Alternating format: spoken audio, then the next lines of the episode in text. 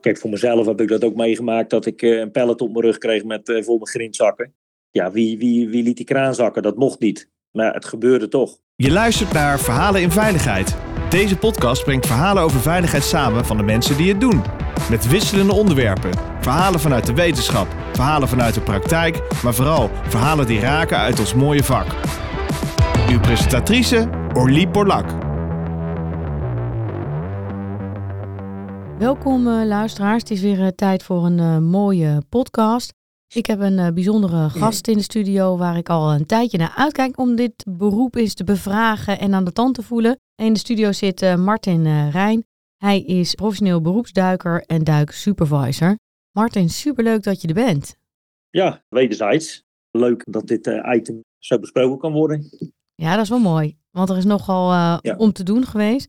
Maar laten we gewoon eerst eens beginnen bij het begin. Want de luisteraar die weet misschien helemaal niet zoveel van jouw wereld af. Dus kun je mij iets vertellen over de wereld van beroepsduiken? Hoe ziet die eruit? Ja, de wereld van beroepsduiken, ja, nat. Hè, dat is één ding. Het is eh, best wel een specifiek beroep. Dat niet zomaar in je opkomt uh, als je op, uh, op school zit van, goh, ik wil beroepsduiker worden. Het is natuurlijk hartstikke mooi waar mensen vaak zeggen, oh ja, ik duik ook mooi in de Caribbean uh, visjes kijken. Maar voor ons is het eigenlijk, en dat ben je later ook van bewust. Hè, in het begin is het allemaal nog spannend. Dan moet je nog wennen aan je spullen en je equipment. Maar uh, eigenlijk ja, is het normaal gezien bij ons. Ja, je, je, je duiker gaat te water en je checkt hem uit. Uh, alles is veilig. En hij daalt af. En dat kan op diverse manieren. Maar aan het eind van de rit, hij moet naar een plekje op de bodem. Of ergens waar het dan ook is, onder water. En dan moet hij een klusje klaren. En dat klusje, ja, dat is eigenlijk heel breed. In de bouw uh, te vergelijken heb je een timmerman, heb je een elektricien, een stuk, uh, noem maar op. Maar onder water is er maar één die dat klusje moet doen en dat is die duiker. Nou, dan snap je wel dat dat, dat kan je niet even leren. Hè? Het, dus het duiktechnische gedeelte, dat leer je in een opleiding. Dat is een, een beroepsduikopleiding van een maand of vier. En dan leer je specifiek het technische gedeelte en de duikersziektes, de natuurkunde, de fysica en dat soort dingen allemaal.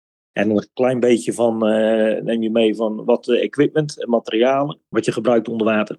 Maar als je helemaal aan het werk gaat, ja, dat zou je echt allemaal moeten leren. Dus het is wel meegenomen dat je een, in ieder geval twee rechterhanden hebt. Maar er wordt niet van je gevraagd of jij natuurlijk alles al kan. Want er is geen school uh, waar je dat kan. Je hebt wel specifieke opleidingen. Maar het, het, grote, het grootste gedeelte van dit beroep ja, leer je echt door uren te maken onder water. Stel nou dat je een lasser bent, hè? er is een uh, sluisdeurstuk. Is dat, is dat een klusje waar ze jou voor kunnen inhuren? Ja, dat maakt op zich niet uit. Hè? Ik bedoel, uh, lassen, dat is dan weer een specifiek iets. Hè? Dat, dat moet je ook leren. Er zijn ook opleidingen voor. Vaak leer je heel veel al in de praktijk. Maar als je echt heel constructief moet gaan lassen, is het wel verstandig dat je dan nog een cursus volgt. Uh, het moeilijke, ver, vergelijk, om eventjes dan een klein detail met bovenwater lassen je kan je voorstellen als je boven water uh, moet lassen, wil je altijd heel goed stilzitten, comfortabel zitten. Nou, onder water, ja, moet je vaak al zwemmend op moeilijke plekken hangen met een helm op je kop, uh, met een duikpak aan en een vest. En dan ja, is dat best wel, uh, best wel even moeilijk, dus dat moet je ook leren. En dan moet je nog gaan lassen. En de lastechniek onder water is weer net iets anders dan, dan boven water. En mensen die boven water werken, die hebben ook heel veel ja, eigen collega's om hen heen staan. Die kunnen hun feedback geven. Kun je uh, leren on the job kun je doen. Hoe, hoe zit dat onder water? Moet ik, hoe moet ik me dat voorstellen? Is dat gewoon een werkplek? Heb je daar collega's die met elkaar uh, feedback geven, die overleggen, die samenwerken? Hoe ziet dat? Nou, kijk, op zich tegenwoordige tijden, en dat, dat is al een tijd, maar uh, eh, 9 van de 10 keer, kijk, in de offshore, maar ook wel inshore waar zicht is, heb je vaak al een camera op je hoofd. Dat zijn vroeger waren dat grote, grote apparaten. Tegenwoordig is dat allemaal heel klein, eh, goede verlichting. Dus als je een beetje zicht hebt onder water, heb je je supervisor die altijd boven zit. Dus dat is ook een puntje veiligheid als je een camera hebt, omdat je gewoon eigenlijk een beetje mee kan kijken. En dat is niet om, uh, om die duiker continu op zijn vingers te kijken van doet hij het wel goed. Maar het is ook een stukje veiligheid. Maar daar, ja, als iemand dus een camera heeft en je hebt zicht, kan je natuurlijk een beetje sturen. Qua veiligheid is dat, wat ik net zei, is wel een heel belangrijk punt. Hè? Maar dat is, eh, het belangrijkste is eigenlijk eh, als je zicht hebt met een cameraatje, eh, dat die jongens boven, dus de duiker die daarna weer gaat duiken, eigenlijk al mee kan kijken wat de ander aan het doen is. En zo kan je ook heel snel schakelen. Hè? Dus je ziet vaak die duiker al wat, wat doen. En dan kan je als supervisor boven ook eens instappen van... joh, heb je dat en dat straks nodig?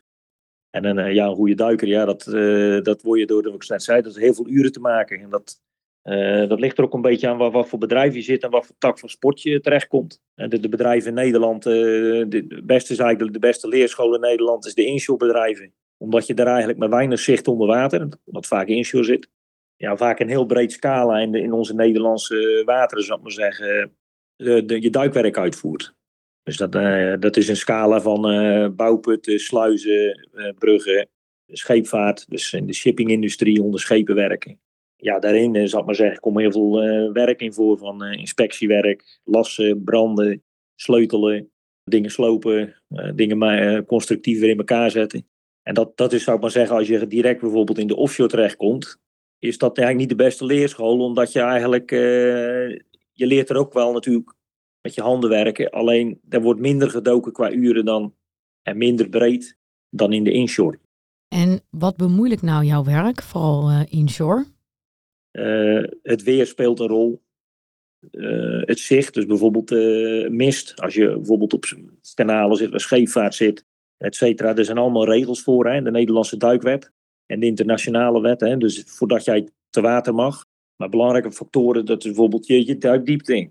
Dat is een belangrijk item. Hè. Hoe diep is de klus? Dus daar hebben we onze duiktabellen. Hebben we daarvoor, dus daar moet je ook weer rekening mee houden. externe partijen. Dus bijvoorbeeld, stel je bent op een sluis, daar vaart links en rechts nog scheepvaart. Dan moet je weer goed afstemmen met de, met de partijen van, van de sluiswachter, zou ik maar zeggen, van, uh, dat alles gesecured wordt. Dus dan hebben we het over deuren die niet meer kunnen schuiven, in- en uitlaten die ge, geblokkeerd worden. Ja, zoals ik zeg, scheepvaart wat, wat spontaan langs kan komen varen. Hè? Dus dat uh, iemand bijvoorbeeld, dat we zeggen van nou het is beter dat we een, een guard vessel neerleggen voor het werk. Die alles, alle scheepvaartbeweging in de gaten houdt, die ons beveiligt. Hè? Komt gewoon voor. Uh, ze zien je natuurlijk niet. Je staat vaak met een klein busje een containertje op de kant of op een bootje. En er hangt wel een duikvlaggetje. Maar ja, als er bijvoorbeeld uh, dat het nu weer net niet goed doorgegeven wordt of het voor niet goed ontvangen, heb je zo kans dat er een boot uh, vlak langs je duiken komt. Met alle gevolgen van dien. Dus ja, je hebt heel veel factoren te maken. Dus ja, het stukje, degene die boven zit, die verantwoordelijk is, die, is wel belangrijk dat die, diegene ook een beetje ervaring heeft, dat hij een hoop dingen uit kan sluiten. Jij hebt natuurlijk al wat gezien in je leven.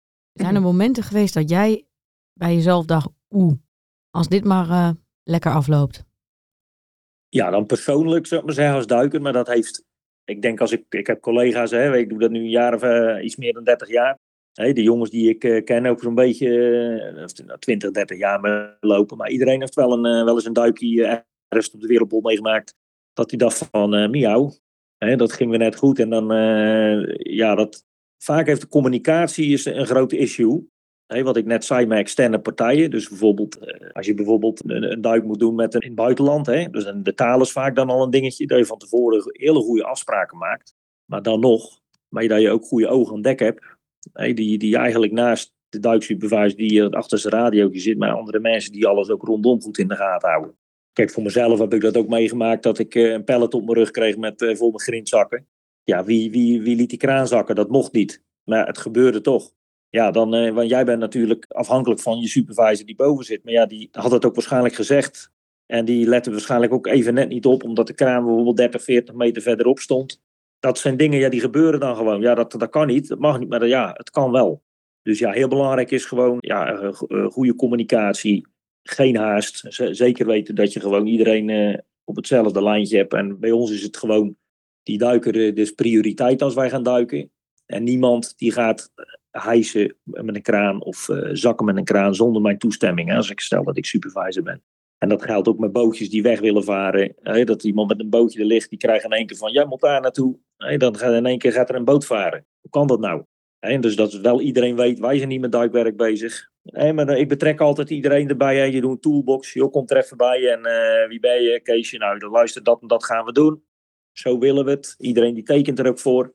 Is moeilijk, maar uh, ja, heel, eigenlijk de belangrijkste in het voortraject eigenlijk. Dat duiken, dat, dat komt wel goed. Dat kunstje. Hè, dat of we nou linksom, rechtsom, maar dat, dat, dat wordt wel gefixt. Alleen heel belangrijk, externe partijen is, is, is vaak een, een, topic. Hè. Wat hoor jij van jouw collega's, beroepsduikers? Wat de meest voorkomende, ja, eigen gevaarlijke situaties zijn die zij meemaken? Het hotste item is toch altijd externe partijen. En dat de communicatie niet goed is geweest. Duiktechnisch, denk ik in, eh, in Nederland, De laatste tien jaar, denk ik. Hè. Tien jaar geleden had je echt nog wel bedrijfjes in Nederland die werkten met, ja, met, met, met spullen. Die, die, dat, dat kon niet door de beugel. Nou, er is die Nederlandse duikwet. Is, heel is gewoon heel simpel.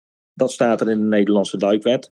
En als je aan dat voldoet, dan is duiktechnisch is dat allemaal in orde. Dus, en dat is ook belangrijk natuurlijk. Je moet niet als duiker, uh, bij ons 90% staat, bestaat uit freelancers als je op een klus komt. En er staat bij een duikbedrijf, uh, ik ben uh, dat dat gecertificeerd. Ik moet mij niet meer druk gaan maken over duiklucht of die in orde is. Of een helm is, is die nog gekeurd. Maar je kan natuurlijk wel eens even kijken als je denkt van, goh, dat ziet er niet helemaal fris uit. Nee, dan moet je ook gewoon kunnen vragen van, joh, wanneer is dat ding voor het laatst gekeurd? Klopt dat een beetje? En een klein voorbeeld bijvoorbeeld is stroming. Hè? Dat was vroeger was dat altijd, werd er een, we hebben natuurlijk best wel op rivieren bijvoorbeeld of op zee met getijden te maken. Vroeger werd er een touwtje met een sluiting over de muur gegooid. Nou ja, kijk, als je dan een supervisor of bedrijven had die zei van, nou weet je wat, we hebben een hele zware sluiting aan, die eigenlijk door de stroming nooit opzij geduwd kon worden, dus het stroomt nooit. En een klein sluitingje stroomt het altijd. Uh, tegenwoordig heb je op de offshore heb je gewoon daar bijvoorbeeld, wat is gewoon standaard, is een stroomvis, die geeft aan het stroomt 0,8 knopen.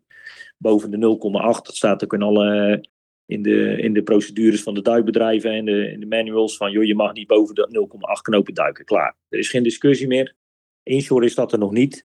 Dat kom je natuurlijk vaak in bouwput en sluizen er niet tegen, maar bijvoorbeeld in rivieren wel. Hè. Dat zou kunnen. Dat zijn allemaal van die kleine dingetjes, ja. Ja, en er zijn natuurlijk factoren, ja, die kunnen echt nog wel verbeterd worden om, uh, zeker in de inshore ook, om, uh, om het allemaal wat, wat, wat veiliger te maken nog het is de hoofdopdrachtgever natuurlijk die daar verantwoordelijk voor is. Hè, om te zeggen van joh, wat is er nou in het verleden gebeurd? Wat zijn er nou echte eh, gevaarlijke punten nog? Wat kunnen we daaraan doen? Hè? Wat is te voorkomen? Nou, dat en dat. Nou, oké, dat moet verplicht uh, meegenomen worden bij ons op bij alle duikwerkzaamheden. En dat, er moet er gewoon geld voor vrijgemaakt worden. En dan is voor een aannemer natuurlijk, die rekent het door. Die maakt het niet uit, wat is verplicht. En gebeurt dat nu? Wel, alleen er, er zijn best nog wel verbeterpuntjes. Laatst is er ook een ongeval, dodelijk ongeval gebeurd. Ja, dat is, ja, dan gaat iedereen natuurlijk brainstormen. Je hebt contact met je collega's. Hè, die, uh, ja, dat was een jongen die, die, die natuurlijk, iedereen kent elkaar wel links of rechtsom. Dan denk je van ja, potverdomme, hoe kan dat nou allemaal? En uh, kijk, en je hoorde alle in- en outs nog niet helemaal daarvan. Dus het is altijd heel uh, moeilijk om, om, te, om te zeggen van wat is er nou precies gebeurd? Dat horen wij ook niet. Dat is natuurlijk wel Waar wij al heel lang om hameren van, joh, als er nou een ongeval is geweest, zou het mooi zijn als er, als er ergens eh, een site is voor ons, of waar je dan in kan loggen eh, bij de overheid, of wat, waar je, waar je dan aan het eind van de rit heel goed kan lezen wat nu daadwerkelijk is gebeurd en wat de uitkomst ervan is. Want dat is belangrijk voor ons, dat wij dat, hè, dat we kunnen zeggen van, daar en dat, dat is gebeurd. Ja jongens, allemaal uh, hartstikke mooi, maar ja, hoe kunnen we dat voorkomen? En dat er ook, uh, ja, dat er van geleerd wordt. Is de opdrachtgever, of de derde, meer bezig met de juridische kant van een ongeval dan in het redden van mensenlevens? Kijk, die, ja, we hebben natuurlijk de, wat ik zeg, die, die duikwetten moet je gewoon aan voldoen. En er zijn alleen, er zijn, er, je hebt wel richtlijnen van uh, bijvoorbeeld op sluizen om, om, om, om aan de kadewanden, zou ik maar zeggen, je zegt het is verplicht om een recovery systeem te hebben. Stel iemand raakt bewusteloos en dat soort zaken. Maar er is nog een beetje een grijs gebied dat is natuurlijk aan de duikbedrijven dan weer een beetje zelf.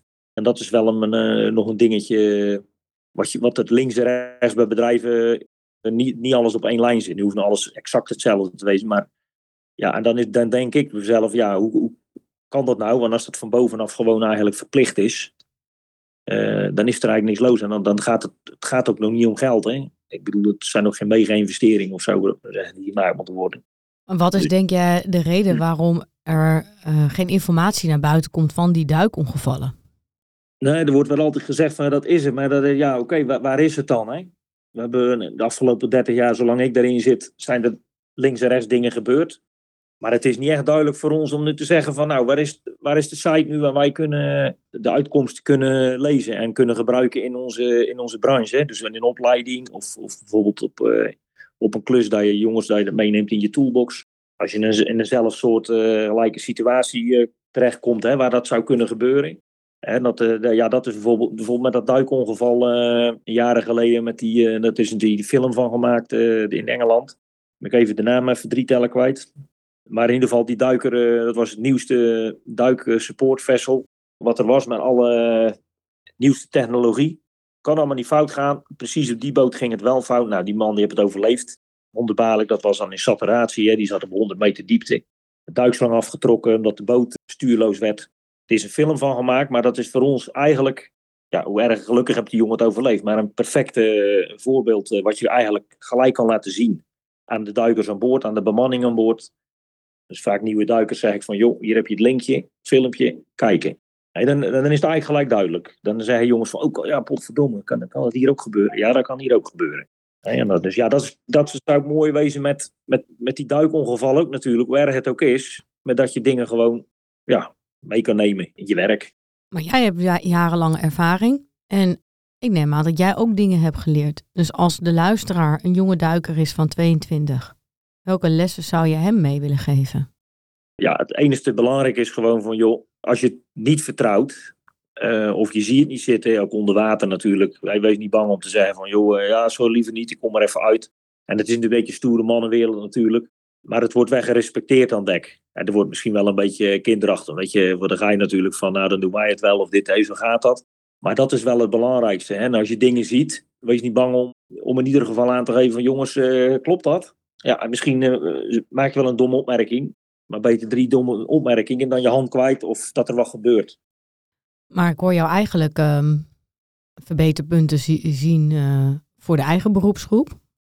Kijk, er is heel veel learning on the job. En uh, er wordt te snel uh, doorgestroomd. En hetgeen wat je moet leren is iets wat heel lastig te leren is. Dat is omgaan met eigenlijk de mensen die op de kade nog staan. Die op het droge allemaal aan het werk zijn. Die dingen doen waar jij op dat moment niet van op de hoogte bent, ook niet op van de hoogte wordt gebracht.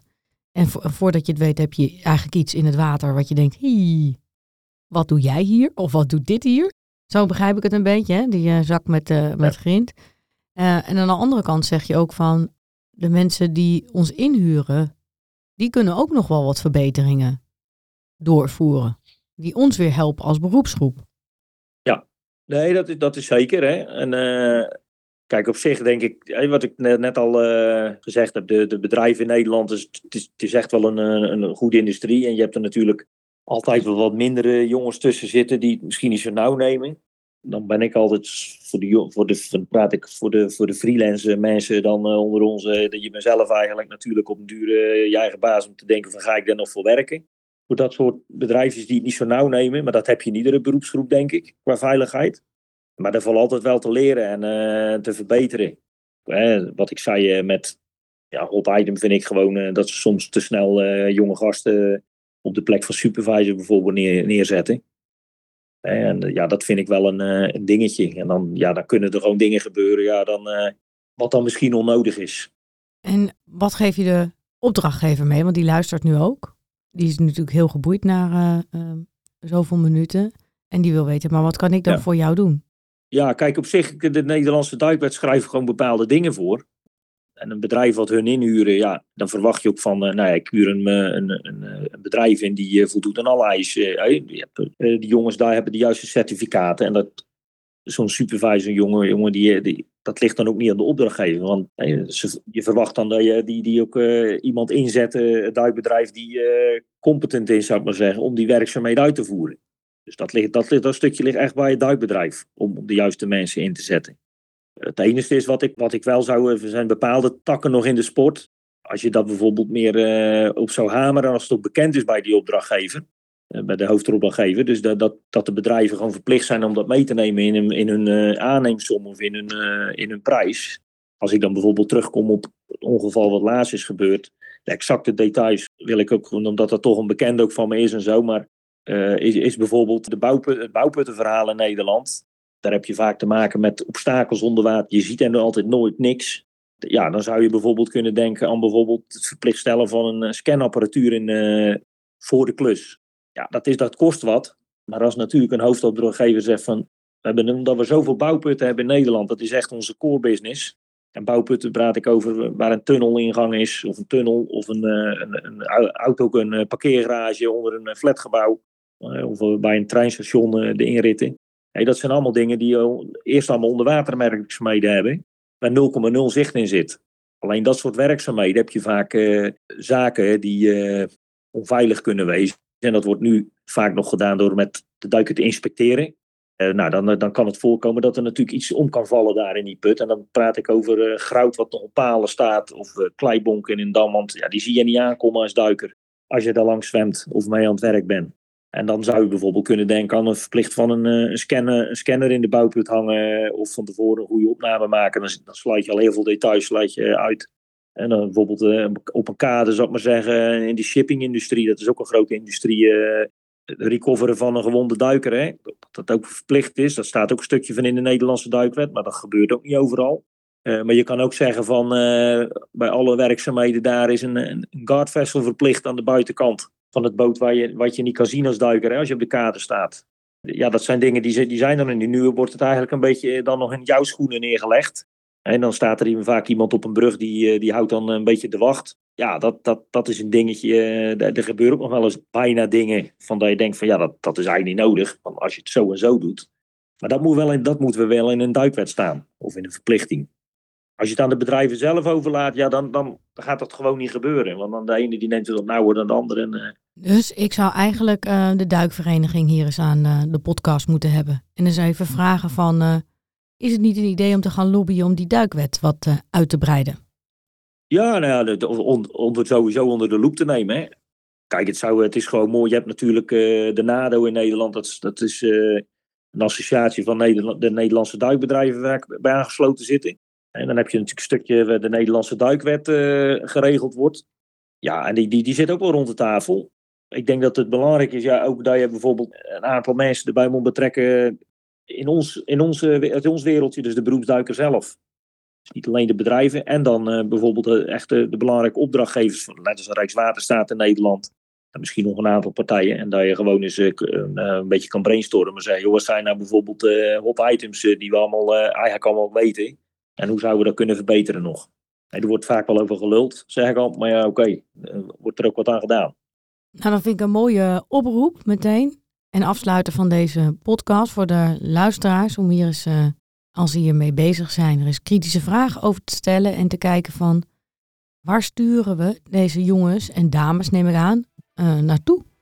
En kunnen er onverwachte dingen daar gebeuren in het water? En hebben we er ook wel oog voor dat als er wat gebeurt, dat we ze kunnen ophalen op een veilige manier.